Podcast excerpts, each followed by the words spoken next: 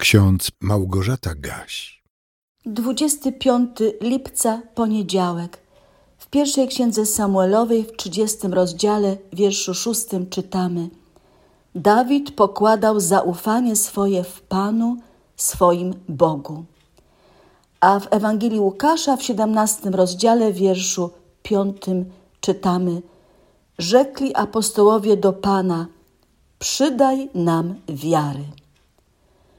Myślę, że niewiele osób wie, że w Kościele Luterańskim 25 lipca obchodzimy Dzień Apostoła Jakuba Starszego. Tak więc pozwólcie, drodzy słuchacze, że powiem kilka zdań na temat tej biblijnej postaci. Jakub, syn Zebedeusza, brat Jana, najmłodszego spośród uczniów Jezusa, był z zawodu rybakiem. W Ewangelii Mateusza w czwartym rozdziale czytamy, że gdy Jezus szedł wzdłuż wybrzeża jeziora Galilejskiego, ujrzał dwóch braci, Jakuba, syna Zebedeusza i Jana, brata jego, którzy wraz z ojcem naprawiali w łodzi swoje sieci. I powołał ich, a oni zaraz opuścili łódź oraz ojca swego i poszli za nim. Dwaj ewangeliści, Mateusz i Marek, gdy re relacjonują modlitwę Jezusa w ogrodzie Getsemane, dokładnie zapisują, że mistrz wybrał trzech spośród apostołów: Piotra, Jakuba i Jana i poprosił ich, aby tej nocy czuwali i modlili się. Warto zauważyć, że w kilku szczególnych sytuacjach, o których wiemy z przekazu ewangelistów, Pan Jezus zabierał ze sobą tych trzech wymienionych uczniów, bo chyba chciał, żeby tylko oni widzieli, słyszeli, a w odpowiednim czasie składali o tym świadectwo. Wtedy, gdy już Jezusa nie będzie, bo wróci do nieba. Mam na myśli między innymi pobyt na wysokiej górze, gdy Jezus został przemieniony przed nimi i zajaśniało oblicze Jego jak słońce, a szaty Jego stały się białe jak światło. I apostołowie zobaczyli Mojżesza oraz Eliasza. Pan Jezus powiedział do tych trzech wybranych uczniów: Nikomu nie mówcie o tym widzeniu, aż syn człowieczy zostanie wskrzeszony z martwych. Tak więc Jakub znajdował się w ścisłym gronie trzech apostołów, bardziej wtajemniczonych, którzy w doniosłych chwilach na osobności mogli zadawać Jezusowi różne pytania. I on odpowiadał na nie, a oni wszystko starali się zapamiętać chociaż nie wszystko w pełni rozumieli. Jakub Starszy, bo tak jest nazywany w tradycji kościelnej, został powołany do grona dwunastu apostołów, tak jak inni kandydaci do tego grona usłyszał kiedyś: Pójdź za mną. I poszedł.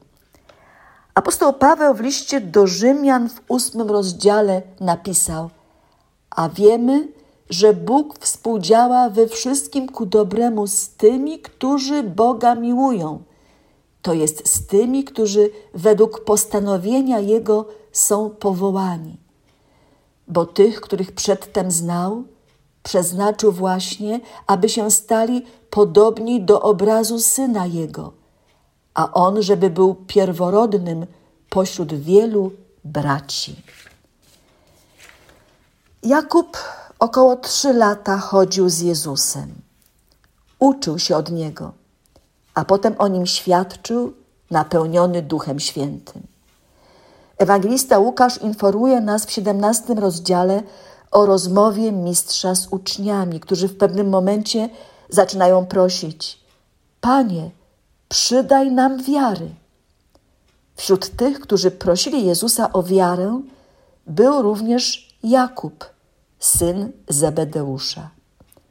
Możemy się domyślać, że dla tego mężczyzny, wybranego przez Boga do zaszczytnej roli apostoła, król Dawid był wzorem do naśladowania. Był, mógł być. Dziś zostało nam przypomniane, że Dawid pokładał swoje zaufanie w Panu, w swoim Bogu. Mocno wierzył w to, że Bóg jest jego dobrym pasterzem, że zawsze będzie go prowadził i ochraniał, a także wyposaży we wszystkie potrzebne zdolności i możliwości, żeby mógł w swoim życiu wypełniać Bożą wolę. Przypomnijcie sobie walkę młodego Dawida z Goliatem, albo wieloletnie ukrywanie się przed złością króla Saula. W 30 rozdziale pierwszej księgi Samuelowej czytamy o tym, że gdy Dawid i jego wojen, wojownicy weszli do spalonego przez Amalekitów miasta Syklak i zobaczyli, że jego mieszkańcy, przede wszystkim kobiety i dzieci, zostały uprowadzone do niewoli, Dawid znalazł się w wielkim niebezpieczeństwie, gdyż lud zamierzał go ukamienować. Wszyscy bowiem byli rozgoryczeni z powodu straty swoich synów i córek. Lecz Dawid pokładał zaufanie swoje w Panu, swoim Bogu. I dalej czytamy o tym, że Dawid odniósł zwycięstwo nad Amalekitami. To 30 rozdział pierwszej księgi Samuelowej. Możemy sami przeczytać i sprawdzić. Kochani, i my dziś, gdy pokładamy swoje zaufanie w Bogu, możemy należeć do grona wielkich zwycięzców. Apostoł Jan, brat Jakuba Starszego, w pierwszym swoim liście, w piątym rozdziale, czwartym wierszu napisał: Bo wszystko, co się narodziło z Boga, zwycięża świat, a zwycięstwo, które zwyciężyło świat, to wiara nasza. Niech Wam wszystkim błogosławi Wszechmogący i miłosierny Bóg, Ojciec, Syn i Duch Święty. Amen.